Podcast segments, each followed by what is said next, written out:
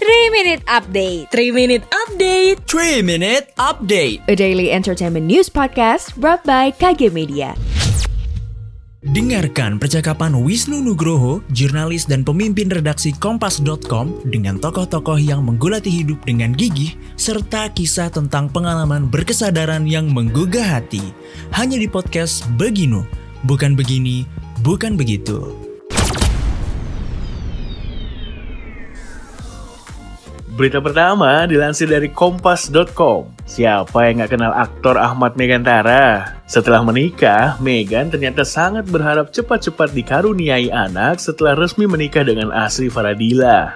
Salah satu alasan bintang film KKN di Desa Penari itu menikah muda karena ingin memiliki anak yang nanti usianya tidak jauh dengannya. Menurut Megantara, dia dan istrinya bakal terus berikhtiar demi kehadiran buah hati yang bakal melengkapi kebahagiaan dalam rumah tangga mereka. Sebelumnya, Ahmad Megantara mengungkapkan alasan yang mantap menikahi Asri Faradila yang masih berusia 18 tahun. Bukan soal usia, kepribadian Asri Faradila yang baik adalah hal paling penting buat Megan.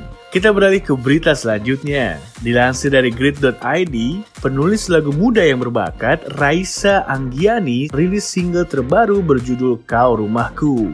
Lagu yang dirilis di bawah naungan bendera label Alpha Records ini bercerita tentang dua insan yang akhirnya dipertemukan untuk bersama. Mereka melewati masa-masa bahagia, merajut, dan membangun kisah cinta berdua. Raisa mengatakan ide pembuatan lagu ini berasal dari pemikirannya tentang perasaan ketika dua insan sedang jatuh cinta. Dari pemikiran itu, akhirnya Raisa mendefinisikan makna rumah bagi sepasang kekasih. Dan yang terakhir, dilansir dari kompas.id, langkah penyanyi muda It Gitaf di dunia musik makin tak terbendung lagi. Setelah sukses menarik perhatian dengan sejumlah single debutnya, Jumat 21 Januari 2022 lalu, It Gitaf merilis mini album perdananya. Semoga sembuh. Wah, pasti keren lagunya ya.